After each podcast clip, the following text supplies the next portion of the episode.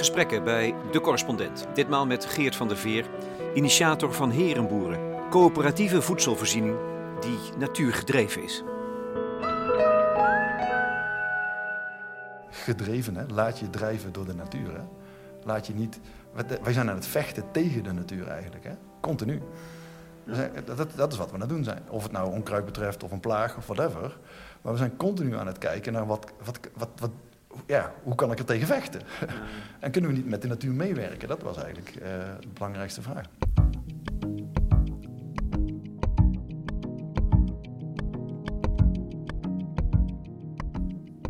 Het begon ruim tien jaar geleden in het hoofd van Geert van der Veer met een eenvoudig idee, een schets, een concept dat makkelijk uit te leggen is. 200 huishoudens vormen een coöperatie en leggen elk 2000 euro in. Daarmee kopen ze 20 hectare grond en ze nemen een boer in dienst die hun groenten en fruit gaat verbouwen. Hij voorziet, die gewenst ook in de vleesproductie, dit alles gifvrij en circulair. En daarmee sla je een heleboel vliegen in één klap. Het voedsel is beter en lekkerder. De boer heeft bestaanszekerheid, krijgt meer geld voor zijn waar. De natuur vaart er wel bij. Zelf formuleren ze het zo: Herenboeren is natuurgedreven, sociaal verbonden en economisch gedragen. Inmiddels is de 16e herenboerderij van start gegaan, Landmeerse Loop in Boekel, onder voorzitterschap van Filomeen Duinesveld. En er zullen er nog veel meer volgen, want dat is de droom, of het ideaal. Heel Nederland op een andere manier van voedsel voorzien. En dat kan, volgens de oprichter. Ik heb met Geert van der Veer afgesproken in Boekel, op die nieuwe lood aan de stam van herenboeren. Het regent pijpenstelen. Oké, daar gaan we dan, eh, Geert. Je hebt een prachtige oranje paraplu. Ja. Kijk, nou ben ik gewapend met goede schoenen. Maar jij niet? Die staat bij mij thuis voor de keukendeur. Wat ben je nou voor boer? ik moest bellend in mijn auto springen en toen heb ik ze gewoon echt vergeten. Dat overkomt me nooit. Maar nou natuurlijk vandaag net wel, hè? En je weet precies hoe het eruit ziet hier, hè? Zeker weten. Het is niet de eerste keer dat ik hier kom. En de vorige keer was het net zo nat. dus dat, uh... Maar vind je het erg om even een stukje het land op te lopen? Nee, ik snap de consequenties van wat ik doe. Ja, nee, dat gaan we gewoon doen. Dat gaan we gewoon doen. nee, je ontloopt je verantwoordelijkheid niet. Maar het is echt modderig en nat en vies. Nou ja, dan moet je maar even je schoenen straks uh, afwassen. Landmeerse loop. Net open, bezig open te gaan. Kijk, daar liggen de velden klaar. Hello there. This is your ancestor speaking. Your predecessor from the 21st century. When you emerged repressing me, remember? There was us, the Homo economicus. Don't walk away. Please stay. Please listen to what I have to say. I know I'm out of... Ik zag op Twitter dat jij hebt gehouden van het liedje Your Ancestor van Nienke Laverman. Ja, zeker weten. Absoluut. Ja, ik vind het zo... Ik krijg daar nog kippenvel van als, ik dat nu, als je nu, nu naar me vraagt. Omdat, ik, omdat het echt gaat over de verantwoordelijkheid die we vandaag zelf hebben. Richting de generaties na ons. Ja, dat idee, hè? Dat is, dat is wat mij, mij elke dag bezighoudt. Ja? ja. Dus ik, ik, ik vraag me, mensen vragen mij waarom doe je wat je doet?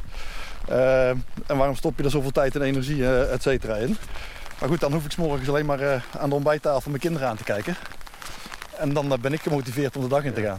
Ja, maar uh, Nienke zingt dan over de kinderen over 100 jaar, hè? Wij praten dus dat is nog verder weg. En dat is heel moeilijk om je voor te stellen. Omdat je, Maar dat jij leeft met dat gevoel, ik, dat besef. ja, ik heb de zevende generatie na ons is ongeveer waar ik ja? me op end. Ik heb... maar dat kan, dat kan je ook. Dat is... Nou, ik, heb, ik heb in vorig jaar september heb ik een brief geschreven aan die zevende generatie na ons. Ik heb die persoon Nick genoemd. Mijn vader heet Nick. Um, en ik heb echt geschreven van nou, wat, heb ik, zie ik vandaag en wat doet dat straks met je. En het enge is dat ik op enig moment tijdens het schrijven van die brief, vijf kantjes, uh, ergens een zin opneem, ben je er nog wel? Ink. Ja, toen dacht ik, wacht even, zijn dan, dan hebben wij toch wel echt een verantwoordelijkheid. Waar zijn we dan vandaag mee bezig met het geneuzel uh, als dit volgens mij de essentie is? Ja, dat heeft twee kanten. Aan de ene kant is ook angst. Het is ook heel onheilspellend. Maar daar wil jij je niet nou, bij neerleggen of zo? Nee, maar volgens mij, geef het, ik wil het zien vanuit de kans. Ik wil, het kan toch alleen maar mooier worden? Dus veel slechter kan het misschien ook wel niet zijn. nou, nou. Nee, maar ik bedoel, waarom... Nee, maar ik vind, het, ik, nee, ik vind het goed om je te beseffen welke verantwoordelijkheid je hebt. En dat is iets anders dan angst. Ik bedoel, het besef dat je um, uh, invloed hebt op wat er na jou gebeurt. En dat zie je direct natuurlijk aan je eigen kinderen. Um, maar denk dan nog eens verder door. Hè? Uh, nou, je kleinkinderen kunnen ons ook nog wel beseffen, maar daarna. En daar hebben we nu vandaag de dag gewoon invloed op. En dat voelt voor mij niet als angst, dat voelt voor mij als een verantwoordelijkheid. Ehm, en nou, iemand anders die zei laatst, weet je, wat we nodig hebben is hoop, humor en handelingsperspectief. Nou ja, laten we het dan ook een beetje leuk houden richting de toekomst. toch? Ja, daar heb je geen last van volgens mij. Daar heb je genoeg van. Nee, het, geeft energie toch? Dat is mooi. Ja. Nou, ik denk ook als je het hebt over als je de, de belang van verantwoordelijkheid benadrukt, dan is dat misschien wel het beste antwoord op de gevoelens van angst die er leven. Want er zijn genoeg jonge mensen, ik weet niet hoe oud jouw kinderen zijn, die echt bang zijn voor hun toekomst. Ja, nou ja, maar als je kijkt wat er vandaag de dag allemaal op ze afkomt, dan snap ik dat ook wel. Ja. Dan snap ik dat heel goed. En dan denk ik van ja, weet je, ik ben nu nog in staat, ik ben 46, ik ben nu nog in staat om een niks aantal jaren daar stevig iets aan te doen. En daarna moet ik iets aan ze overdragen wat zij af moeten maken. Ja, dan kan ik me voorstellen dat het heel lastig is. Maar laten we dan met elkaar eromheen gaan staan om dat probleem om dat grote monster wat we dan zien. En laten we zeggen, nou, we gaan er gewoon in en we gaan het doen. En wat we nu om ons heen zien, vind ik vaak, is het ontwijken van dat monster. Maar ik vind dat je er gewoon naartoe moet. Ja, het kan ook, en het kan ook. En misschien is dat wel waardoor dat monster kleiner wordt. Als je stappen zet, kleine stappen zet? Ja, nou, dat denk ik. Ik denk dat elke stap er één is. En dat we niet moeten verzanden in het bedenken van de eerste stap. Want dan blijven we om de tafel rondom een pot koffie hangen. Wat prima is. Maar laten we gewoon eens met handen in de, uh, in de grond gaan stoppen. Laten we gewoon eens iets gaan doen. En dan is elke stap één gaan reizen. Je ziet het hier om je heen, hè? Ja, hier wordt gereisd, hè? Mooi, hè? Ja, het, land, het land ligt klaar, geloof ik. Ja, je, kan van alles, uh, je, je, staat al van alles in de grond en er kan nog veel meer in, hè? Dus dat, uh, we gaan beginnen. Ja, super mooi, toch? What we went through, what we really meant to do. That the intention wasn't evil on our side. It might shed a different light on how you think of us, your ancestors. So you may learn from us because to not get lost in the future, you must know your past, right? So here I am. This is your ancestor speak. Jij bent, heel, jij bent ook begonnen een keer. Ja. Van huis uit boomkweker. Maar jij was de eerste herenboer in Bokstel. Ja, nou ja, goed. Ik ben de eerste geweest die daar een aantal A4'tjes aan gespendeerd heeft. Uh, in 2012. dus toen, uh, toen, toen schreef ik alle uitdagingen die ik zag in de sector onder elkaar. En toen dacht ik, is er iets te bedenken wat aan deze uitdagingen tegemoet komt? Zonder daarbij te bedenken en te willen dat dit het grote alternatief wordt, maar gewoon een alternatief zou kunnen zijn. Wij staan nu op de 16e. Dus in 10 jaar zijn er 16 open gegaan. Dus het inspireert. Ja. Um, het, het, begint met een hele kleine stap. Eén stap, jouw eigen stap. Je hebt nog een groter ideaal. Ja. Als je 700.000 hectare uh, besteedt aan die andere manier van voedselvoorziening, dan heb je het rond. dan kan je, alle Nederlanders kan je dan voeden op een andere manier. dan worden ze op een andere manier bij hun voedselproductie betrokken. En die nuancering moet ik toch aanbrengen. Want tot op heden zijn wij ook in, op de herenboerderij nog niet in staat om volledig circulair te werken. Dus dat betekent toch dat wij ook nog voer bijvoorbeeld voor de dieren, als ze er zijn, ook van buiten de boerderij betrekken. Dus die oppervlakte kon wel eens wat groter zijn. Maar wat ik heel erg belangrijk vind, is dat we uh, alle mensen betrekken bij hun voedselproductie. We zeggen vaak van je moet dichter bij je eten betrokken zijn. Ik ga één stap verder bij de productie van je eten. En dat wil niet zeggen dat iedereen met zijn handen in de grond gaat moeten. Dat, dat is ook een utopie. Maar nou ja, ik ken, nou, mag ik een mooie anekdote vertellen waardoor dat, wat, die dat een beetje illustreert? We hadden een x aantal jaren geleden 40 graden buiten. Dat kun je vast wel herinneren. En toen stonden er mensen op een van onze boerderijen die stonden te schoffelen in de rode kool. want die, die gingen ze oogsten natuurlijk, hè? die moest verzorgd worden. En wat er gebeurde was door de UV en de hoge temperatuur verbrandde die rode kool. Nou, punt. Twee jaar geleden komt er iemand naar mij toe en die zegt: Ik heb een andere baan. Ik zeg: Nou, gefeliciteerd. Ik wist helemaal niet wie het was, maar die kwam dat aan mij vertellen. Toen zei: Dat heb jij gedaan. Toen zei ik: Hoezo dan? Hij zei: Nou, ik was een van die mensen die in die rode kool aan het schoffelen was. En bij ons thuis heeft het op de keukentafel een gesprek opgeleverd. Een gesprek over afhankelijkheid van klimaat. Daar kwam biodiversiteit overheen. We hebben vervolgens een gesprek gehad over de verpakkingsindustrie. Want zeven doosjes door voordat ik bij mijn product ben. Um, nou ja, daar kwam uiteindelijk, eh, de conclusie was natuurlijk, waar zijn we nou helemaal mee bezig? En waar ben ik nu helemaal mee bezig? En nu heeft hij een andere baan in plaats van dat hij bij een of andere grote commerciële Amerikaan werkt. Zit hij nou in de zorg, geloof ik. Hè? Even dat wat hij, wat hij mij vertelde. Even nou weet je, het besef dat je met je handen in, grond, in de grond zit. En daarmee bij je voedselproductie heel dichtbij komt. Hè? Dan, dan verbind je opnieuw met, met de bodem en met de natuur. En het gevolg is dat je ook met alle andere aspecten van het bestaan en van de gemeenschap gaat verbinden. Dat is, dat is wat, ik, waar ik echt heel erg in geloof. Ja. Ik, ik, kom op het sociale nog wel even terug. Hè, de sociale verbinding, want dat is een van de drie pijlers. naast de economie en de natuur. Ehm, maar eh, er is dus een kleine stap en het grote ideaal. We staan ergens halverwege. Ben je nou eigenlijk tevreden over zoals het gaat? Ben je nou, vind je het een succes of uh, relativeer je dat? Ik zucht een beetje, omdat ik ja. uh, daar heel hard over na moet denken.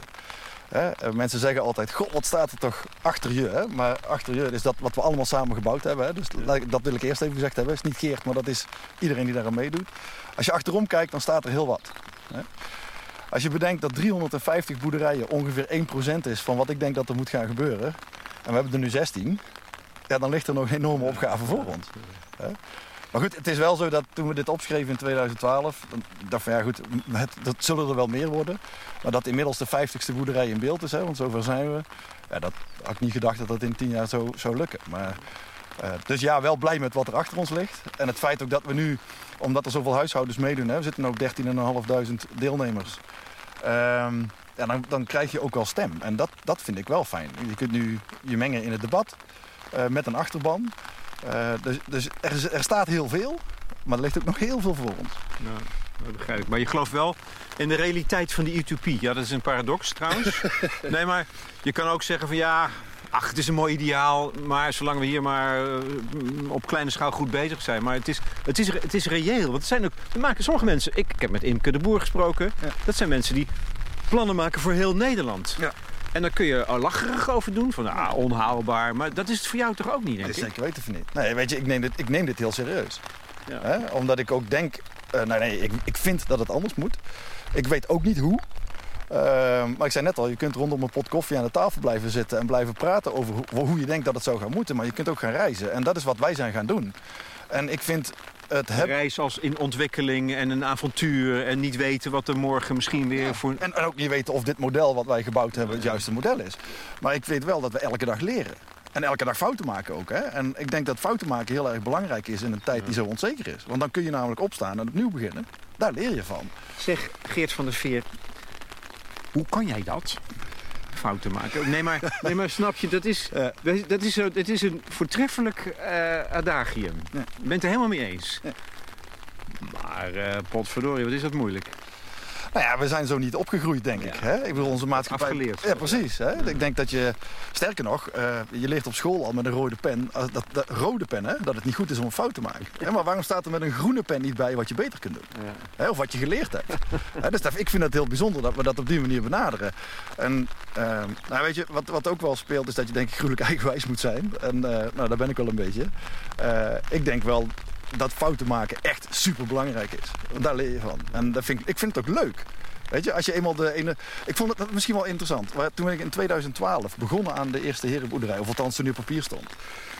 Dat is die van Bokstel, hè? Dat ja, is je, eigen herenboerderij. Ja, precies. Hè? Toen, toen, toen zeiden we op enig moment... Uh, toen, toen, had ik hem bedacht. En toen staat er op papier natuurlijk dat je 200 huishoudens moet gaan ophalen. Toen dacht ik, ja, leuk bedacht Geert. Maar ga je dat nou zelf doen, hè? Gaat dit nou worden? Dus dan heb ik een tijdje in de ijskast gehouden. Uh, totdat ik hem echt letterlijk in een groep vrienden besprak. we, zaten, we waren letterlijk op vakantie met elkaar. In de, in de caravan zaten we te praten.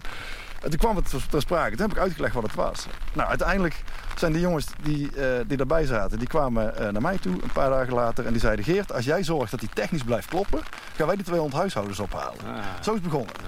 Maar dan ligt er ineens een vraag. Als jij zorgt dat die technisch blijft kloppen, Terwijl die eigenlijk, hij was er nog niet. Dus het enige wat we konden doen, ik, wat ik gedaan heb, zijn aannames. Met een heleboel andere mensen. Hè, en ook, ook doorgerekend, et cetera. Maar hij was er niet. Dus het enige wat ik heb kunnen uitstralen was, oké, prima. Dan moet ik er ook voor gaan staan. Ik weet hoe het moet. Maar ik weet niet hoe het moet. Ik weet helemaal niet hoe het moet. Maar als ik toen was begonnen met we gaan reizen en we gaan 2000 euro van u vragen en we zien wel of had er niemand meegedaan. Ja, ja, ja, En ik zie ook een beetje dus. Nou ja, nee, nee, nou, ik, ik, was, ik was wel dusdanig overtuigd van onze voorbereiding dat ik denk dit moet hem echt gewoon gaan worden. Dit kan.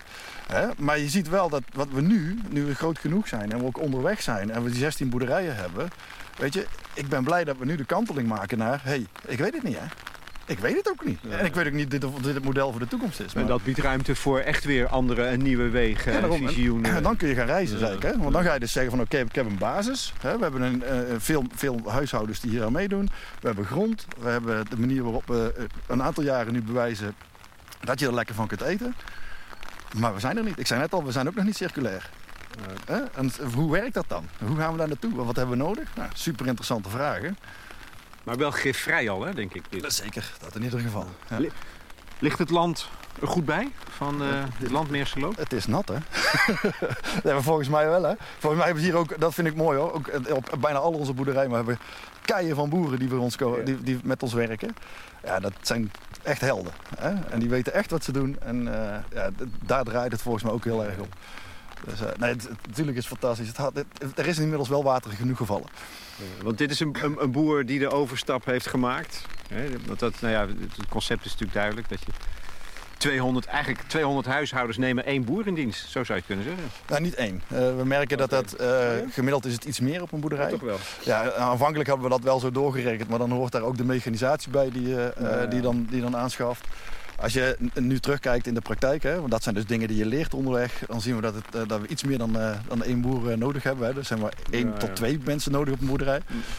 Hè, maar ehm, nou, in principe is het natuurlijk, het concept blijft hetzelfde. hè. Dus de, de mensen die inleggen, die nemen die mensen in loondienst.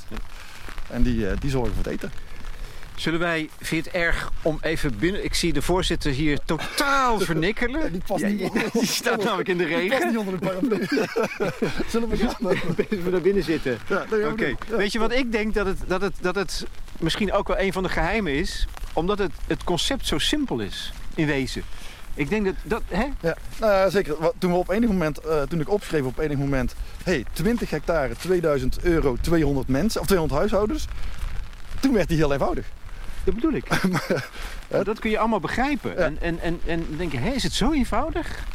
Ja, nou ja, goed. Uiteindelijk zit denk ik schoonheid vaak in de, in, in de, in de, eenhoud, in de Ja. eenvoud. Hè? Ehm, eh, terwijl de praktijk veel complexer is Ja. natuurlijk. Hè? Maar Maar die komt later wel. die, die ontdekken we nu pas. Ja. En, en, en jij was boomkweker. Hebt dus ergens een keer gedacht, het moet anders, het roer moet om. Is dat, is dat met iets begonnen? Met een ervaring of een inzicht of een gebeurtenis? Nou ja, daar zit, er wel, daar zit een iets langer verhaal aan vast. Ik, ehm, eh, doordat ik op de boomkwekerij, overigens van vrienden, dus van kennissen, eh, ben ik eh, zo'n beetje heel mijn jeugd daar rondgelopen. Ehm, alleen wat ik, wat ik dacht te gaan studeren was biologie of ecologie. Ehm, op de universiteit, want dat was voor mij haalbaar. Maar toen ik daar ging kijken, paste dat instituut toch niet helemaal bij mij. Je was te eigenwijs. het, het moest praktischer voor, me, voor mijn gevoel. ja. Dus wat ik gedaan heb, ik ben uiteindelijk op de HAS in Den Bosch terechtgekomen. Maar ik heb wel altijd met eh, biologen ogen gekeken naar wat me aangeboden werd. Ja, en daar leerde ik onder andere ook hoe je eh, efficiënt voedsel produceert. Toen ben ik vragen gaan stellen. Ik ga even de portefeuille klappen. Ja. Zo. Precies. Huppakee. Ze zijn droog. Ja, wij zijn weer droog. Huppakee, we lopen naar binnen. Maar toen ben ik vragen gaan stellen op het gebied van... Nou ja, eigenlijk was de kernvraag, als ik er nu op terugkijk... waarom leer ik eh, het landschap aanpassen aan mijn bedrijf? En niet andersom. En, dus ik heb altijd wel een beetje met biologenogen gekeken. Ik ben daarna bij, de, bij LTO eh, terechtgekomen. Ehm, Notabene. ja, nou, dat was voor mij een hele logische stap op dat moment. Bij de Limburgse Land- en Tuinbouwbond in Limburg dus. En daar maakten we raamplannen. En raamplannen, daar was voor nodig dat je onderzoek deed naar eh, de continuïteit van de bedrijven die aangesloten waren bij de LATB. En toen dacht ik op een gegeven moment, toen we daarmee bezig waren, goh, ehm, hoe ga ik op het industrieterrein vertellen dat we 3 miljoen investeren om een agrarisch bedrijf te hebben met een rendement van eh, een half procent. Ja, zo, d- er is- er zit veel meer achter het boer zijn dan geld. Hè? Dan on- de, de- de ondernemer eh, op het industrieterrein zit daar denk ik op een andere manier in. Die zou dat risico niet nemen, denk ik.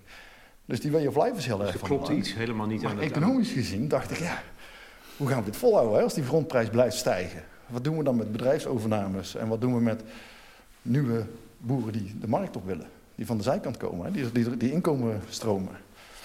Dus toen dacht ik, wacht even, ik heb de Planet op de has gezien, de Profit. Die zag ik op een gegeven moment bij, eh, bij LTO.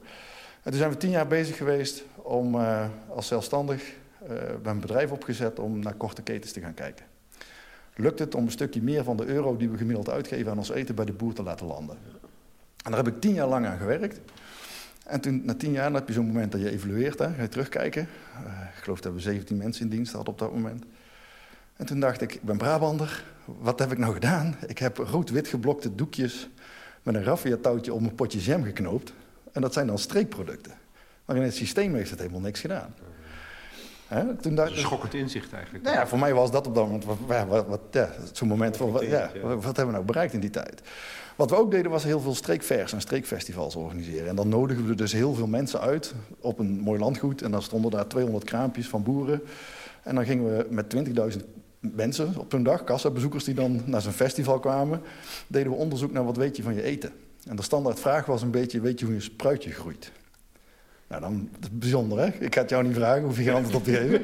Maar, Doen we niet. Nee, daarom. Ongeveer 90% van de mensen weet niet hoe een spruitje groeit. En dat is dus ook weer de afstand tot je eten. En toen had ik, na tien jaar, dus keek ik terug. Ik heb eigenlijk in het systeem niks veranderd. Maar ook de, de maatschappelijke inbedding was voor mij een conclusie. Dus toen had ik People, Profit en Planet. En toen dacht ik, hm, nou begint bij mij in mijn buik iets te knagen. Hoe lang gaan we dit nog volhouden met elkaar? En toen heb ik alles van de hand gedaan wat we op dat moment hadden. Uh, moest ook wel, want er kwam wat naweeën van de crisis van 2008. dus Never waste a good crisis. Dat bedoel ik. Uh, maar toen, nou, toen, heb ik wel gedacht, nou, wat kan ik nu doen? En toen ben ik stil gaan zitten. En na gaan denken. Dan heb ik een heleboel uitdagingen onder elkaar gezet. Ik roep altijd, het waren er 46. Het waren er volgens mij ook 46. maar ik moet het lijstje nog eens opsnorren. En toen dacht ik, is er iets te bedenken wat een antwoord geeft op die 46 uitdagingen? En daar zit ook de afhankelijkheid van vreemd vermogen in, dus de bank. Of uh, de manier waarop we met Brussels uh, geld omgaan. Maar ook natuurlijk de thema's die nu heel manifest zijn. Hè? Klimaat, stikstof. Alles. Alles wat erbij hoort. Alles wat je kon alles, Ja, precies, stond daar onder elkaar. En toen dacht ik... Mensen... Toen werd je niet gek, gek, van moedeloosheid. Nou ja, in eerste instantie word je dat ook. Hè? Maar, dan, maar toen dacht ik wel van nou... Um, volgens mij was de eerste titel boven het blaadje knelpunten. En dat heb ik uitgegumd. Daar heb ik er uitdagingen van gemaakt. Letterlijk, hè? Ja, letterlijk gedaan. Letterlijk gewoon, ja goed, ja, niet, niet gegumd, zo letterlijk lang, lang leven, lang leven de gum. Ik had wel een computer, dus ik kon hem wel deleten, nee, zeg maar. Er zit ook een gum ik kon hem, ja, precies. Dus, volgens mij is het tekentje nog steeds een gum hè, op de computer. Ja, dus dat heb ik toen uitgedaan. En toen vervangen door uitdagingen. En toen dacht ik, ah, ja, hey, nou kunnen we, we hebben iets te doen. Dat is leuk. Zo zijn het gaan Of course, I do regret that we've polluted ourselves out of existence, created an unbridgeable distance from all other forms of life until life finally left us. Exit Homo economicus. You say growth was my holy grail. Yes, it was, and it failed. It couldn't last, I do agree. But in the middle of the hustle, you cannot really see. You say growth was my holy grail. Yes, it was, and it. Behagelijk binnen in wat lijkt op een soort kantine. We krijgen koffie van de voorzitter van Herenboeren Landmeerse Loop, Filomeen Duinesveld. En ik maak van de gelegenheid gebruik om haar ook even te vragen naar haar ervaringen. Ze is inmiddels al een jaar of twee bezig met de organisatie. De coöperatie is net van start gegaan. In een deel van de schuur is een groep vrijwilligers hard in de weer met bezems. De ruimte moet stofvrij. Wij staan in de deuropening met uitzicht op de akkers die er buikverzorgd bij liggen. We zijn net begonnen. Ja, op 1 april hebben we onze officiële opening gehad. En uh, het is nu eind april en heel veel planten staan al in de grond. Die staan al te groeien en uh, binnenkort onze eerste uitgifte. Ja. er wordt hard gewerkt. Wat ga je doen vandaag? Nou, we waren van plan om aardappels te poten en uh, lekker te wieden. Maar het regent zo hard dat we een andere klus hebben bedacht. We hebben oh. vanmorgen een, ja, toegang gekregen tot onze, tot onze uitgifteruimte. En die zijn we nu aan het schoonmaken en daarna gaan we hem uh, inrichten. Ja, Oké, dus dan maar toch binnen? Dan maar binnen, ja. ja. Nou ja, het is ook wel echt zeikend nat en modderig. De plassen water, stromen water. Maar goed, het is ook goed voor het land. Jij bent 2,5 jaar bezig. Hoe is dat geweest voor jou? Heel leerzaam, vooral. Ja. Het begon uh, vanuit uh, ja, de intentie om te weten waar mijn eten vandaan komt. Hè. Dat sloot heel mooi aan bij het gedachtegoed van, uh, van herenboeren. En uh, toen werd ik zomaar voorzitter, omdat niemand anders dat wilde. En, omdat jij een soort wereldverbeteraar bent? Wellicht, wellicht, ja. En uh, nu ben ik 2,5 jaar verder en heb ik gewoon heel veel geleerd op het gebied van ja, hoe je een organisatie moet starten. Hoe je een, een, een, bedrijf moet runnen of starten. nou ja, toe, maar dat doe je er dan even in je vrije tijd bij of zo? Ja, ik, eh, nou ja, ik werk ook. Vier dagen in de week. Ik ben ook moeder. Ik heb ook een studie die ik uh, doe. En, maar kan dat dus? Blijkbaar, ja. Blijkbaar. Ik heb daar veel bewondering voor. Wat, wat, wat, wat is nou wat je het meest leert van het hele proces? Want, je- want er staat nog, ja, je, de aardappels moeten nog gepoot worden. De aardappels moeten gepoot worden. Ja, dat was heel mooi eigenlijk. Eh, vorige week kwam er weer eh, oude gedachten naar boven. Ik ben boerendochter, dus Ja. eh, ik kom van een akkerbouwbedrijf. En ik herinner me ineens weer hoe, de, hoe wij onze aardappels gingen poten vroeger. Dus dat komt echt weer boven. En dat vind ik heel mooi. Dat die oude gedachtegoeden die ook nog in mij leven, dat die gewoon weer lekker actueel worden. En wat ik er... Ik leer dus, ja, ik, ik leer elke dag. Maar wat ik het meest leer is het omgaan met de, met de ambtelijke molen. Met de regering, met, of, ja, met de regels die er zijn, de wetgeving, vergunningen aanvragen, het, landpachten. Al die regels die er omheen zitten, die, eh, daar leer ik heel veel van. Ja. Want het klinkt helemaal niet leuk natuurlijk. Nee, natuurlijk niet. Ik wil gewoon het liefste lekker trekken rijden. lekker trekken rijden, lekker bezig. molen in. Maar... Ja, en eh, omdat we met een groep zijn, iemand moet ook de, de, de, de, de, de, het- de kracht hebben en eh, zin hebben om, om dit te trekken. En dan doe je dat met een bestuur eh, waarbij je gewoon besluit om, om ja, het organisatorisch op te pakken. Maar je bent boerendochter. Is dit een soort thuiskomen? Dit is thuiskomen, absoluut. Ben Ja. je nou ook gelukkig? Eh, ja, ik ben echt gelukkig. En dan heb ik nog geen, helemaal geen groente van het land gehad, maar ik, ik word hier echt gelukkig van. Ja, Gefeliciteerd. dank je. Yes, it was, and it failed. It couldn't last, I do agree. But in the middle of the hustle, you cannot really see. So here I am.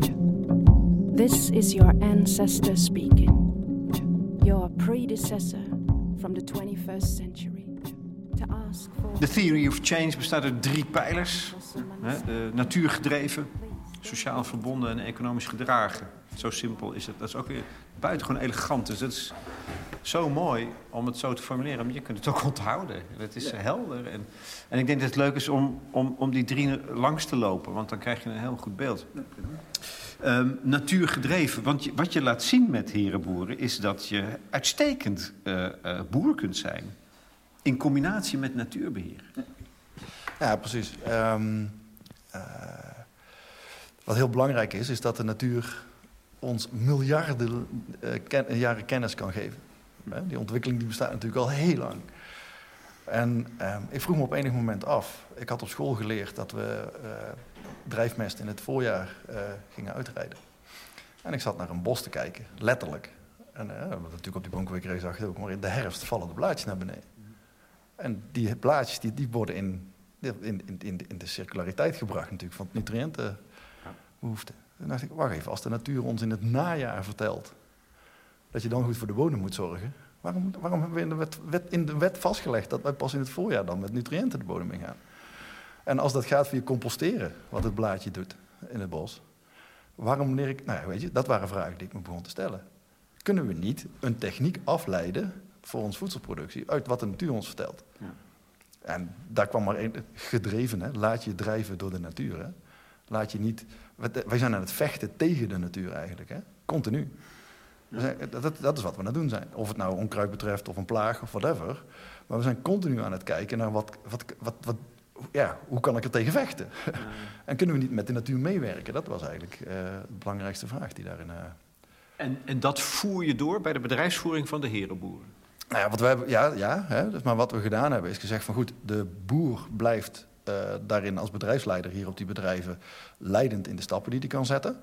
We hebben dat vertaald naar, wij willen toewerken naar input nul. Als je geen inputs hebt, een input kan voer zijn of dat kan ook energie zijn of water. Dat kun je als input voor jouw bedrijf eh, nodig hebben. Eh, maar wat nou als we een stip op de horizon durven zetten die, die input nul heet? Er komt gewoon niks meer in. Ik zou niet weten hoe het technisch moet overigens hoor, dat is me nou vraagt. Maar die stip op de horizon die hebben we wel gezet. En dat is het, het idee van het Dan circulariteit. wordt alles circulair.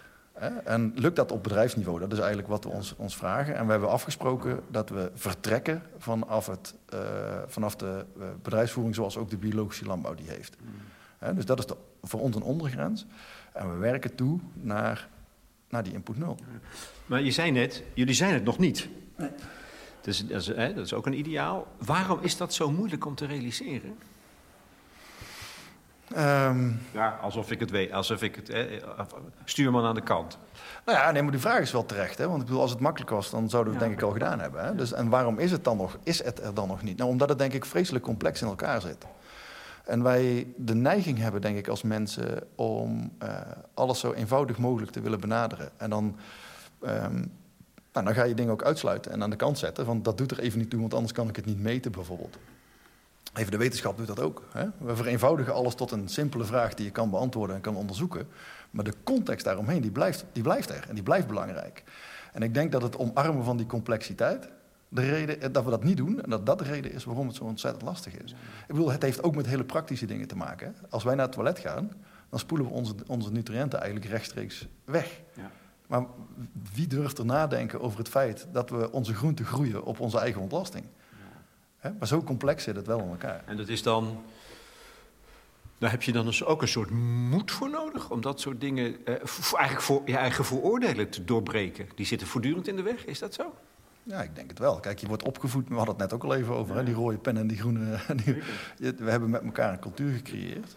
Uh, die in mijn beleving ver. Nou, volgens mij het grootste probleem is dat we heel veel van de natuur af zijn komen staan. Dat het, dat, dat, dat het allemaal maar vanzelfsprekend is dat het er is. En dat, het al, dat er bijvoorbeeld de supermarkt vol met eten ligt, vinden we vanzelfsprekend. Uh, dat we met z'n allen kunnen consumeren wat we vandaag consumeren. En dan bedoel ik niet alleen eten, maar ook gewoon ons energieverbruik en alles wat we doen. Uh, het is er allemaal maar. En we zijn zo ver van, van die natuur afkomen staan dat we. Nou, dat dat denk ik wel de grootste, de grootste uitdaging is om dat te herstellen. En, en als, je het, als het je lukt, maar misschien ook nu al, hè, zover als jullie zijn met die 16 herenboeren, dan komt dat ook de natuur ten goede. Dan zie je, ik, ik heb het nu niet, niet echt kunnen zien natuurlijk hier, maar misschien is dat te concreet, maar dan los je de problemen van stikstof op, et cetera, et cetera. Ja, je kunt daaraan bijdragen. Hè. Ik, ik, blijf, uh, uh, ik probeer erin super bescheiden te blijven. Even als voorbeeld. Uh, best, best, dat heet dan best professional judgment. Hè? Dus als een, een, professional beoordeelt of je het goed doet, dan zal die zeggen ja. Maar um, wij kwamen um, erachter dat om de stikstofuitstoot van de kipcaravans die wij op de bedrijven hebben, dat zijn van die verplaatsbare karren waar die kippen uh, uh, in verblijven, om daar de stikstofuitstoot van te meten kost 4 ton. Om te meten. Om te meten. Dan weten we zelf waar we aan toe zijn. Dus hoe, wie ben ik, wie ben ik hè, om nu te roepen van we zijn beter? Want ik kan het niet aantonen. Hè. En, en we moeten in, deze, uh, in het publieke debat van vandaag wel harde cijfers hebben, willen we gehoord worden. Maar wie, hoe kom ik aan vier ton? Dus het systeem, dan komt er weer een systeemvraag achter. Hè? Uh, hoe wordt onderzoek in Nederland gefinancierd? En uh, moeten we dan ook niet wat geld gaan stoppen in, uh, in dit soort concepten? Dus het is, ik ben wel vrij bescheiden, maar ehm, ik zie wel natuurlijk wel, het is niet voor niks dat we dit zo opgezet hebben. Maar je mag toch ook je intuïtie laten spreken? Of, ja. of je, je, je, ja, je, ja, wat is het? Gewoon je ervaring. Nee, voor, mij, voor mij zou dat lijn 1 zijn, weet je. Ik bedoel, het is niet zo dat wat we niet meten, dat dat niet bestaat. Nee, dat bedoel ik. Hè? En dat wat we niet kunnen meten, dat dat er niet is. Dus voor mij is uh, juist het intuïtieve, zoals je het noemt, hè, um, uh, superbelangrijk. Uh, je voelt of je het goed doet, ja of nee. Ja. En, en dat mag gewoon een onderdeel zijn. Ik denk dat, dat, dat we dat ook een beetje kwijtgeraakt zijn. We zitten heel erg in ons hoofd hè, uh, in de maatschappij. Alles gaat om, om wat ik kan beredeneren. Uh, terwijl ik altijd probeer te, doen, uh, probeer te handelen naar wat ik voel. Ja. Ik bedoel, en dat heeft met je buik en je hart te maken. En dan wordt je hoofd, dat zeg ik altijd, mijn hoofd is een vertaalmachine van wat er beneden ja. gebeurt. Mooi. Ja, ik denk dat intuïtie, dat is natuurlijk een, een magisch ding. Ik denk dat dat eigenlijk gewoon ook een heel mooi woord voor ervaring is. Nou, ik denk dat intuïtie de ervaring is waarvan je niet eens weet dat je hem hebt. Ja. Hè? Ik bedoel, um, uh, en, en, misschien zijn het ook wel um, uh, nou, manieren van waarnemen die, waarvoor je, open, je moet openstellen. Dat, en, en dat is ook heel. Alles wat, alles wat ook maar een klein beetje afwijkt van wat we kunnen beredeneren, wordt veroordeeld vaak. Hè? Kom je in een hoekje terecht. Hè? Verdacht gemaakt. Ja, precies. Of, of, of um, uh, nou ja, dan ben je te zweverig of uh, te donkergroen of whatever. Maar je krijgt een, zodra je over dat, dat soort elementen spreekt, zeg maar, over de manier waarnemingen, de vorm van waarnemingen, dat wat je voelt of niet ziet of wat je aanvoelt, ja, dan wordt het heel snel in een hoekje gedrukt. Maar laten we dat ook maar eens een keer serieus gaan nemen, is mijn beleving. Hè? En, en als het over dat natuurgedrevene gaat van de herenboeren, dan, dan, um, dan ben je dus als, als, als als boer, maar ook als collectief hè, van, van burgers, ben je ook bezig met natuurbeheer. Het is niet alleen maar dat je met je eigen voedselvoorziening bezig bent. zie je ook om je heen dan die natuur weer tot bloei komen? Ja, dat kun je zien. Dat, en dat, dat meten we inmiddels ook. Dat, dat meet je dan weer wel. Dat wel, maar dat doen we dan door tellingen bijvoorbeeld. Dus, dus uh, uh, we zijn, nou ja, toevallig in Boksel op de boerderij sprak ik uh, afgelopen zaterdag iemand, die zijn van die, de, de pierentelgroep. Ja? Dus die zijn letterlijk de wormen aan het tellen in de bodem. Dat doen ze volgens een vastgesteld protocol, elk jaar opnieuw, op een vergelijkbare manier. Ja, en dan zie je dat dat toeneemt. En, en, dat is gunstig? Dat is gunstig, ja. Als je kijkt naar de regenworm, dan is dat een beetje de gidssoort van hoe het gaat met je kwaliteit van je bodem. Even, daar liggen nuances aan, maar even, laat ik maar even zeggen dat hè, dus hoe meer pieren, hoe beter het met je bodem gaat. Want het is gewoon een voedselrijke bodem dan dus. Nou ja, in, in, wat, wat mooi is, um, uh, onder onze voeten speelt een vergelijkbare piramide een rol zeg maar, van eten en gegeten worden uh, als dat we boven de grond hebben.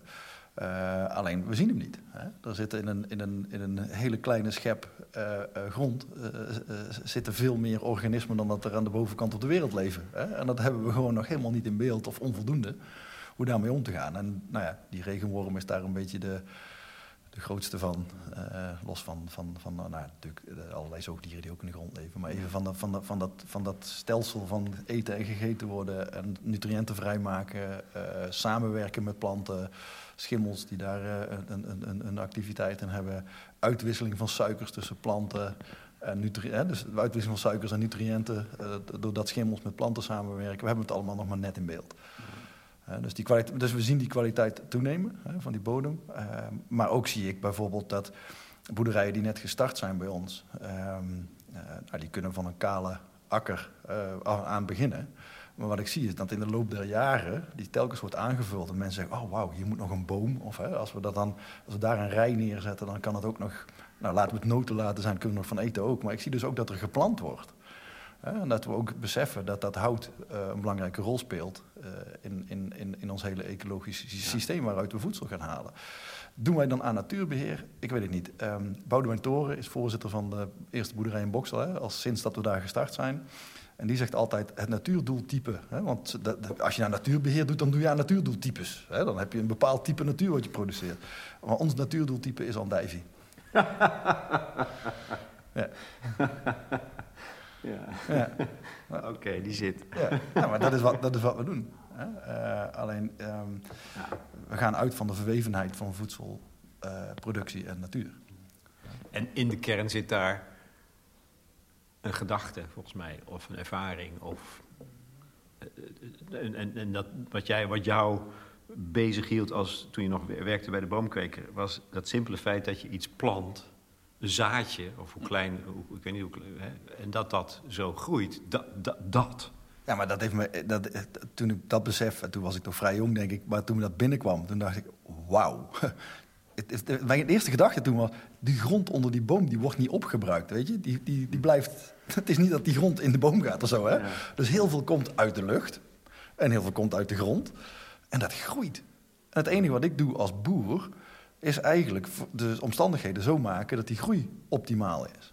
Hè? Of maximaal of, of, of het meest gunstig is. Hè? Boeren is niks anders dan zorgen dat die natuur, dat zaadje zijn werk kan doen. Hè? Ik, kan, ik, kan, ik kan die boom niet uit dat zaadje trekken. En dat kan die sla ook niet uit, die, uit het zaadje trekken. Dat moet je allemaal zelf doen. Maar er zit, als het gaat om jouw gedrevenheid of bevlogenheid... dan zit daar in de kern die misschien wel verwondering, mag ik het zo noemen, over dat fenomeen? ook, ook zo, we hebben het over eenvoudige dingen eigenlijk, hè? Maar... Ja, maar dat, dat sowieso. Ik kan me als kind herinneren, uh, ik was best druk, uh, laat ik mijn ouders ja. mij, mij vertellen. Ik had behoorlijk wat energie. Maar ik kan me wel herinneren dat op die momenten dat ik alleen zat. En ik, dan kon ik op het gezond thuis gaan zitten kijken. Hè. Dan kon ik gewoon voor mijn gevoel, het zal niet zo zijn geweest, maar voor mijn gevoel zat ik dan minuten stil om naar een paar centimeter te kijken. En dat kon ik wel. Daar had ik mijn rust uit. En dan zag je kriebeltjes van beestjes die liepen. En dan zag ik een plantje. En dan zag ik. Weet je, maar dat waarnemen. Ja, volgens mij is dat, is dat heel erg belangrijk. Uh, dus daar zit ergens die verwondering, die, die, die, zit al, die zit er al heel lang in. Dat is echt iets wat ik het, is toch prachtig als je bedenkt dat de enige, waar alles wat wij, wat wij hebben hier, is zonlicht. Alles wat we hebben. Hoe prachtig is dat? Er is daar ver weg van ons een of andere bron. Als die uit is, zijn wij klaar. maar zolang die er is, alles wat hier staat, of het nou onze techniek is van vandaag, of het eten wat we eten, het is allemaal zonlicht. Ja, dat vind ik, dat vind ik prachtig. Om dan te bedenken dat we als, nou ja, de aardbol is al zo'n klein dingetje in het hele uh, stelsel buiten ons. Maar daar bovenop dendert dan iemand, dat heet dan mens. En dat is dan zo intelligent dat dat kan van alles bedenken en dan van alles doen. Kan het allemaal kapot maken ook hoor, als we niet oppassen. Maar dat idee, weet je, dat, dat, dat vind ik machtig. Dat vind ik machtig. We were just a phase in the existence of the human race. We paved the road for you in many ways. This is your ancestor speaking. The relatives you know so well. Forgive us, I beg you, for sending you to hell. You say growth was my holy grail. Yes, it was, and it failed. Sociaal verbonden. Het is ook wat je in gang zet. Um, ik sprak net de voorzitter van Landmeerserlo. Um, die allerlei dingen leert waarvan je juist niet denkt dat het daarover gaat. Namelijk ambtenarij, organisatie. Ik bedoel, dat, dat, het vraagt ook heel veel uh, talenten van mensen... die helemaal niet gaan over precies waar we het nu steeds over hebben. Nee, dat klopt. Um, ik noem dat het sociaal kapitaal wat in een groep aanwezig is. Hè? Um, mooi voorbeeld, denk ik. Um, ik zou wel eens willen weten, ik weet het niet, maar hoeveel werkgevers precies weten wat de hobby van de mensen is die bij ze werken. En bij ons draaien we het eigenlijk om. Hè? Ik bedoel, het zijn allemaal mensen die buiten hun werk hier komen, maar die brengen allemaal deskundigheid mee, omdat ze ergens werken of iets, iets kunnen. Maar andersom. Ja, briljant. Hè? Nou, weet je, dus, dus het mobiliseren van wat er in de maatschappij aanwezig is, dat is wat wij het sociaal kapitaal noemen, om dat te mobiliseren. Dat hoort ook bij dat sociale stuk. Um, los nog van het feit dat mensen uh, met elkaar in verbinding komen. Allemaal mensen die elkaar aanvankelijk niet kenden. Uh, of althans, hè, velen kenden elkaar nog niet. Die op deze manier uh, ja, elkaar leren kennen. En dat kan soms heel praktisch zijn. Ik merk dat we in mijn eigen straat ook. Hè, ehm, ja, laten we de, uh, de, de oogst als de keer niet kan voor de buren meenemen. En voor je het weet zit je een kop koffie binnen. En, uh, dus het, ook op dat niveau speelt het. Dus dat, dat, is het idee dat je eigenlijk door zo'n met 200 huishoudens samen dus een coöperatie vormt. En, en je nou ja, een boer in dienst neemt om te zorgen voor je voedsel. Je creëert dus een gemeenschap. Ja. Er wordt vaak zo gezegd in onze tijd, we hebben geen gemeenschap meer. Um, we zijn allemaal zo individualistisch geworden. Maar ah, hier in de praktijk blijkt dus dat dat helemaal niet het geval is. Of, of, of is het dan toch ook te rooskleurig, het beeld? Ja, kijk, um, misschien moet ik per definitie wel ja zeggen op het rooskleurige antwoord. Hè? Ja. Omdat daar natuurlijk ook een soort van uh, wens in zit dat dat zo zal zijn. Hè? Kijk, de uitgangspunten bij sociaal verbonden was ook vooral mensen weer met elkaar in verbinding brengen en weer in verbinding met de bodem. Ja. Um, en uh, als je dat zo vertelt, dan vertel je altijd de mooiste, mooiste, mooiste stukjes eruit. En ja, dan zijn er mensen die echt uit een isolement komen en in een groep terechtkomen en uh, op de boerderij komen helpen, mensen ontmoeten. Uh, nou, ik zie, dat, ik zie dat van jong tot oud, maar ik, prima. Ja, dat, en dat was ook de bedoeling, weet je, daar is het ook voor bedacht. Kijk, en aan de andere kant zijn er gewoon leden die zeggen: Ik kom eten hier halen hè, en ik ben zaterdag weer weg. Hè, even. En, en dat, dat, mag, dat mag ook. En dat mag ook, natuurlijk. Hè. Maar, dus, maar voor je het weet, en dat zie ik vaak wel hoor, als, als er een beeld over de herenboeren geschetst wordt, dan is dat uh, hoppakee. En dan krijgen we alle mooie dingen van de natuur. Terwijl ik net ook aangeef, we hebben nog lang niet in beeld hoe we bij input 0 moeten komen. Zo zijn er ook een heleboel mooie dingen rondom dat sociale uh, verbond in beeld te brengen. De werkelijkheid is ook dat er gewoon heel veel leden gewoon op en neer komen om ja. die boerderij nog niet eens betreden soms. Ik merk wel dat dat langzaam anders begint te worden. Hè. Um, uh, in het begin, laat ik zo zeggen, ik vond altijd dat de doelgroep als je erover wil praten, want iedereen eet. Dus iedereen is doelgroep. Maar uh, laat ik hem even toch een beetje zo neerzetten. Uh, in termen van uh, zuilen in de maatschappij. Hè. Je zou kunnen zeggen dat de VPRO-mensen, die hebben we al wel mee. Hè. Dus laten we ons nou eens richten op de RTL 4-kijker, heb ik altijd gezegd. en als we die meekrijgen, dan kunnen we die ervaringen, komt er weer ervaringen aanbieden. En op basis van die ervaringen komt er een, een ontwikkelslag. Hè. Um, nou, wat bedoel ik daar dan mee? Kijk, uh, uh, wij zijn begonnen met een boerderij die redelijk aansluit bij de hoeveelheid vlees die we bijvoorbeeld vandaag de dag eten. Um, er is geen reden om niet naar een herenboerderij te komen, want je kunt er eigenlijk alles krijgen.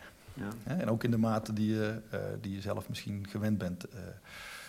ik zie wel dat de helft van de 20 hectare die we nodig hebben voor een stukje biefstuk nodig is. Hm. De andere 10 hectare, daar groeit je hele bord vol. Maar wil je er een stukje biefstuk bij hebben, dan moet je nog 10 hectare meer hebben.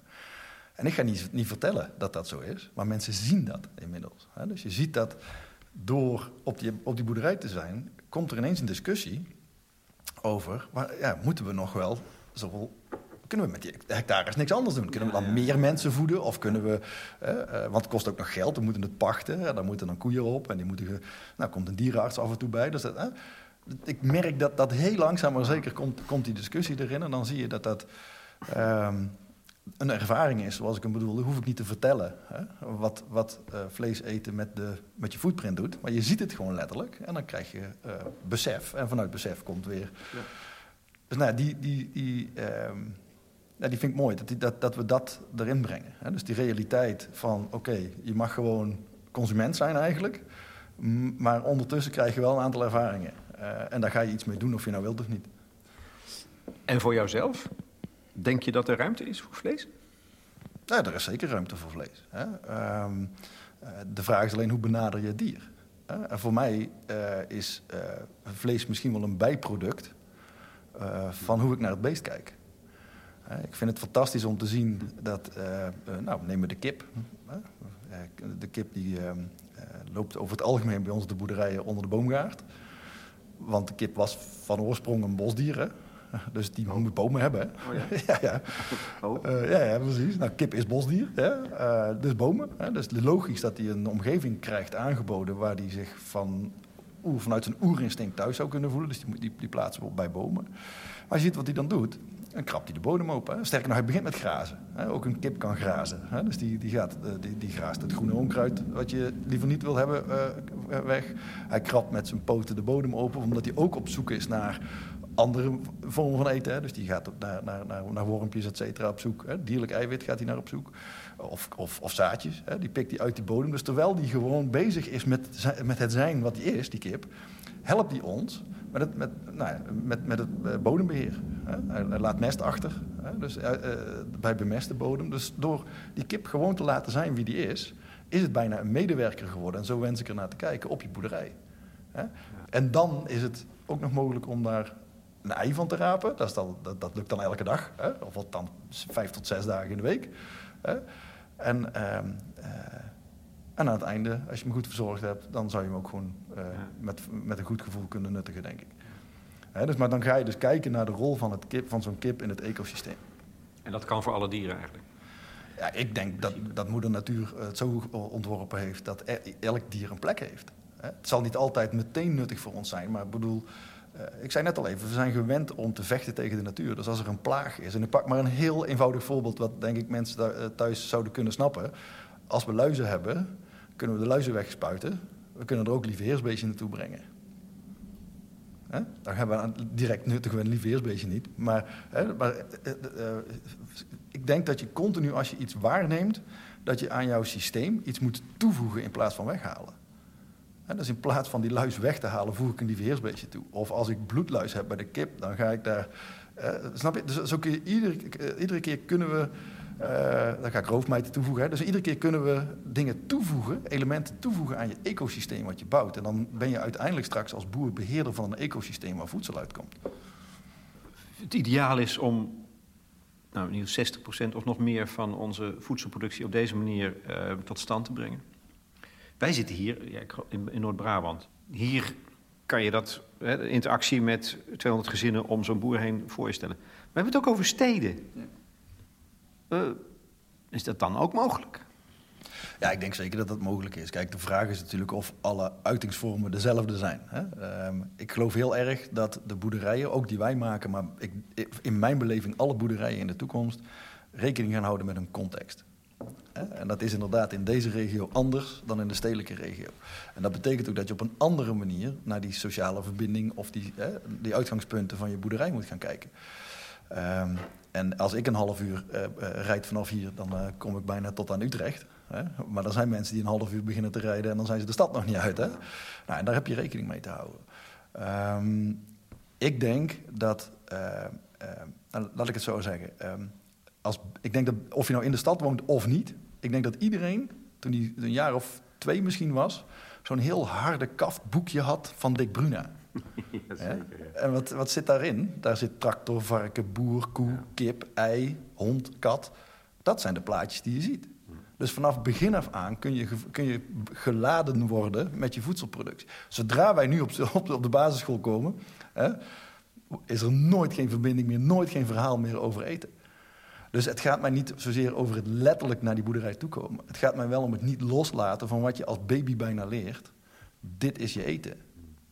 En dan ga je het ook anders organiseren uiteindelijk. Dat is mijn overtuiging. Weet je, laten we eens beginnen met bijvoorbeeld mensen uh, op, uh, nou, misschien wel tot en met het voortgezet onderwijs toe, steeds meer te laten leren hoe de wereld in elkaar zit, letterlijk. In plaats van dat het allemaal afgerekend wordt op alleen taal en rekenen, zou je ook voedselkunde uh, kunnen, kunnen hebben.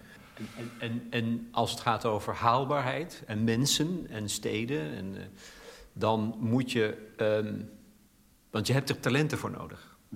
Om, om zo'n coöperatie drijvende te houden. En dat is de voorzitter hier, die, die, die is 2,5 jaar bezig geweest om het um, met de overheden al voor elkaar te krijgen. Maar moet je het dan zo zien dat, dat je, ben je ervan overtuigd dat, al die, dat er genoeg talenten zijn in Nederland om het helemaal op die manier uit te rollen? Want dat is natuurlijk heel veel. Daar ga ik gewoon keihard ja op zeggen. Echt keihard ja op zeggen. Ja, die hebben we. En ja, het, het, is natuurlijk veel werk. En ik geloof ook niet dat we 17 miljoen Nederlanders aan dit verhaal gaan binden. We hebben nu wel de serieuze ambitie om 350 boerderijen uh, uh, te realiseren. Uh, met telkens 200 huishoudens. Dus er zijn er nog steeds veel. Maar ik geloof dat we ook een beetje afgestompt zijn in de manier waarop we getraind, opgeleid werken. en ik denk dat we veel meer in, in ons mars hebben met elkaar dan dat op dit moment tot uiting komt. En dan ga je ook nog meer, ook al zijn het er misschien dan nog maar 350, wat al heel veel is. Maar dan zal het hoe dan ook iedereen en veel meer mensen inspireren. Nou ja, dat, dat, dat hoop ik. Uh, dat dat zo zal zijn. Want ik, ik, hoop ook echt, en dat, dat, ga ik nog een keer zeggen, dat er oprecht een heleboel andere boeren en, en, en, en initiatiefnemers zijn. Die gaan laten zien dat die herenboerderij er ook maar één is. Hè? Weet je, dat is ook maar een concept. Er zijn nog veel meer manieren uh, denkbaar in de creativiteit die we in dit land hebben over hoe je met de combinatie eten en, nou ja, laat ik zeggen, de nieuwe transactie tussen grond en mond kunt omgaan.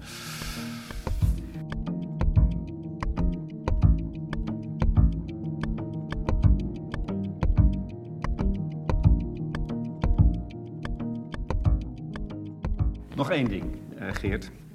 Dat is de rol van de boer zelf.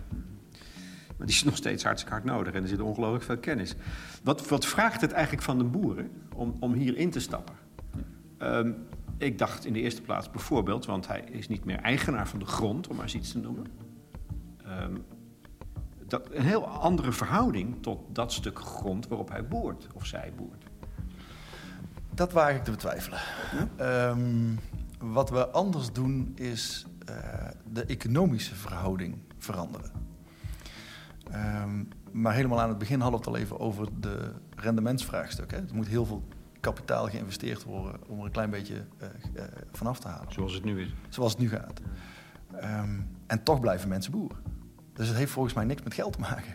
Hè? Of tenminste niet snel met geld te maken. Hè? Natuurlijk zijn er ook ondernemers die speculeren op uh, toenemende grondprijs en, en onroerende zaken. Maar um, het gaat echt over een andere relatie dan. We hebben het, moeten het ergens anders over hebben dan over de zakelijke economische relatie tot die grond. Ik denk dat een boer, en ik zie dat bij onze boeren ook, die, die, die uh, verbinden zich aan zo'n plek. Uh, weet je, dan ook of, het, of het nou hun eigendom is of niet. Dat heeft, dat heeft helemaal niks ah. met, met, die, met die relatie te maken. Er wordt wel heel snel gezegd, het zijn geen ondernemers meer.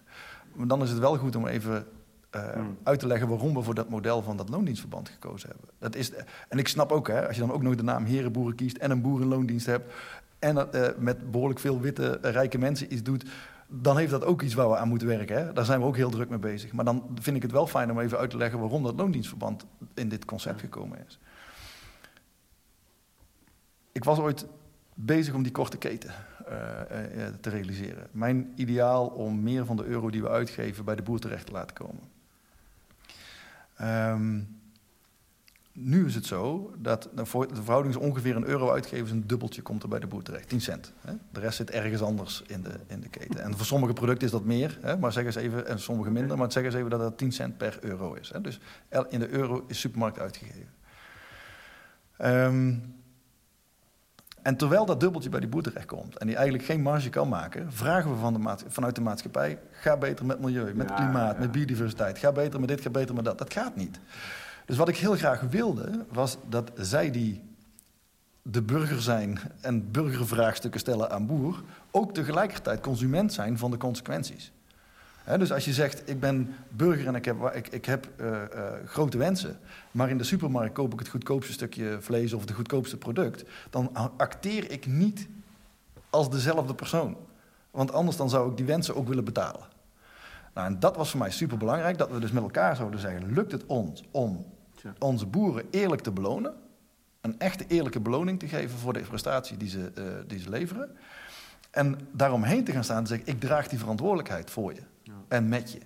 Ik zorg ervoor dat jij krijgt wat jij nodig hebt om gelukkig te kunnen bestaan en fijn werk uh, te kunnen hebben. En dat is dus een gedeelde verantwoordelijkheid? Ik vind dat dat een gedeelde verantwoordelijkheid En wij hebben dus, het is dus niet de bedoeling dat die, dat die burgers die boer aansturen in zijn 100%, maar het is de bedoeling dat je voelt dat als je wil dat het beter gaat met de aarde, dat je daar ook verantwoordelijkheid voor neemt. En dat je dat niet met alleen roepen in enquêtes en onderzoeken van zegt, vind ik belangrijk, maar dat je die consequentie meteen ervaart. Als we hier nu op elke boerderij uh, iets willen gaan aanpassen, dan moet dat in de algemene ledenvergadering besloten worden. En dan kon het wel eens zo zijn, als we zeggen met z'n allen, het moet natuurvriendelijker, nou, dat het dan ook duurder wordt. Om wat voor reden dan ook.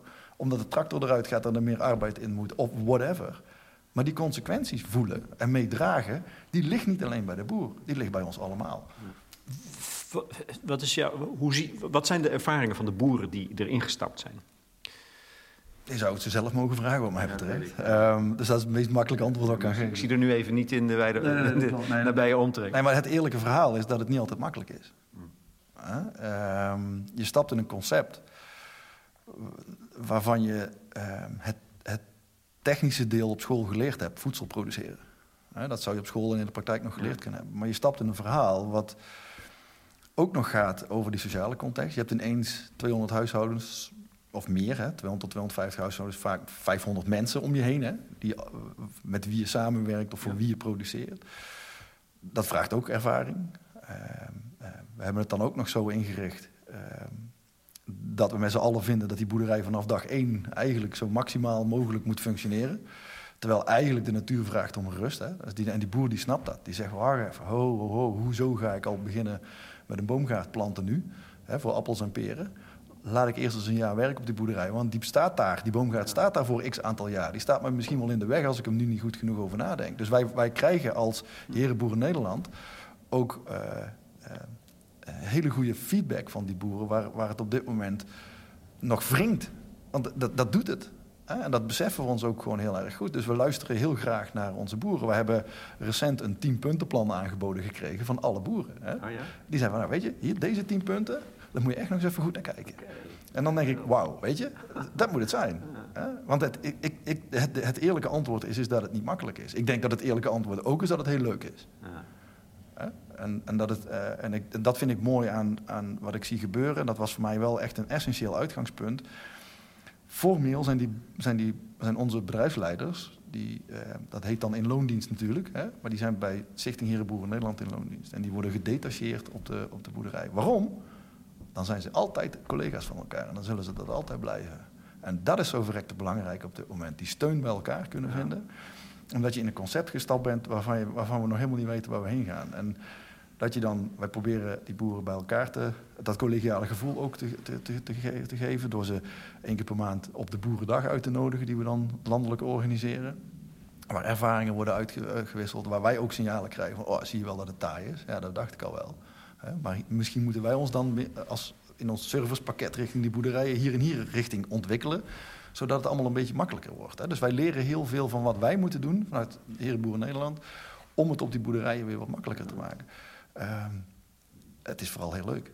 Ik denk dat dat gewoon het is wat, wat die boeren drijft. En, en, en hoe groot is de animo? Staan ze te trappelen? Of hebben ze iets van, uh, ik durf niet? Ja. Nee, inmiddels, inmiddels is het... Hebben we echt voldoende ja? Als wij een, een, een, vacature openzetten, dan solliciteren er echt voldoende mensen om, om daar iedere keer een aantal mensen uit te kunnen halen. Dat was in het begin wel anders. We hebben op dit moment nog, nog gezegd, even, ik weet niet of dat zo mag blijven, maar geen moeite om de vacatures in te vullen. Het zijn wel ehm, mensen die eh, naast het boer zijn ook wel goed zijn in, in, in het filosoferen over wat er aan de hand is. Dus dingen niet snel vanzelfsprekend vinden. Dat maakt het ook wel spannend. Want je hebt altijd dialoog met deze Ja, mensen. En tegenspraak. Dus Ja, ik zei ook netjes, dat heet dan dialoog. Ja. Maar, zie ik voor me. ja, maar dat is natuurlijk wel wat er gebeurt. En dat vind ik super, weet je. Dat zijn allemaal mensen die nadenken. en Die zeggen, van, ja, dit klopt niet, of dit moet anders. Of kunnen we dit niet zus. Of dit gaat heel erg goed, maar als we het nou zo doen... Ja, weet je, dat, dat, dat is prachtig. Het zijn allemaal mensen die... die het zijn echt het, mensen met een goed stel hersens die nadenken... en tegelijkertijd gewoon in het veld bezig willen zijn om, om eten te maken elke dag. Tot slot dan. Als het gaat om, om de toekomst, de utopie. En, en, en het avontuur dat jullie eh, op touw hebben gezet.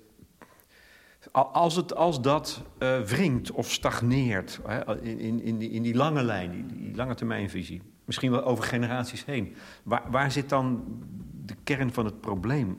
Want het is zo inspirerend. Als je dit hoort, ik, je, je- ik weet zeker, jij steekt mensen aan.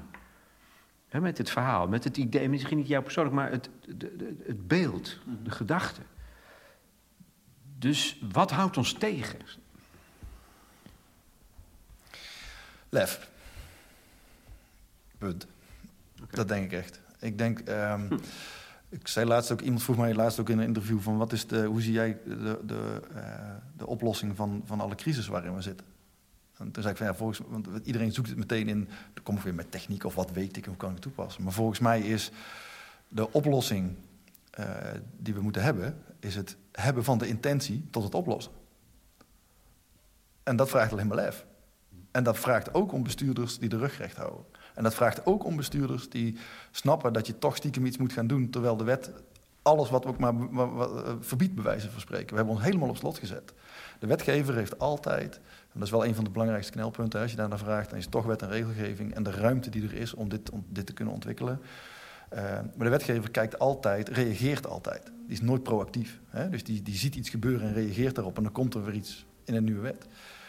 De wetgever zou vanuit de toekomst terug naar vandaag moeten kunnen redeneren. Ja. En dan moeten bedenken wat is goed. En hoe kan ik stimuleren in plaats van controleren? We hebben nu te maken met regels die allemaal maatregelen gestuurd zijn. Het doel is één, maar er wordt zelfs nog voorgeschreven hoe ik daar moet komen. Maar misschien ben ik als ondernemer wel zo creatief dat ik het op een andere manier wil doen, maar wel hetzelfde doel kan halen. En kunnen we dan niet veel beter stimulerende wet en regelgeving krijgen? Doelgericht. In plaats van nu maatregelen gestuurd. En daar zit denk ik toch wel echt het grootste knelpunt. Gaat daar zitten volgens mij.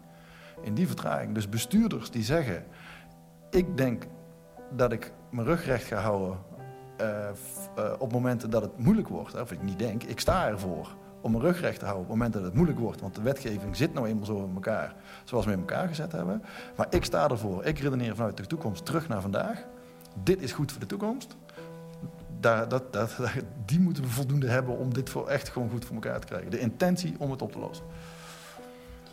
begonnen met Nienke Laverman, Your Ancestor. Maar ehm, ja, ik ben ervan overtuigd dat jij over zeven generaties als een hele goede voorouder gezien zal worden. Dankjewel. Ja, bedankt.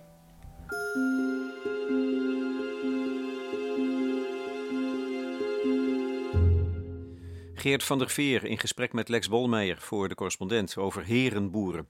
Zou je mee willen doen? Kijk dan op de website herenboeren.nl. Wil je erover doorpraten? Dan kan dat op ons platform. Ik ben bijzonder benieuwd naar ervaringen van mensen die meedoen. En met name ook van de boeren zelf. En verder natuurlijk naar de verhalen van mensen die nog bezig zijn om een herenboerderij op te starten. Het discussieplatform is toegankelijk voor leden. En je bent al lid voor negen tientjes per jaar.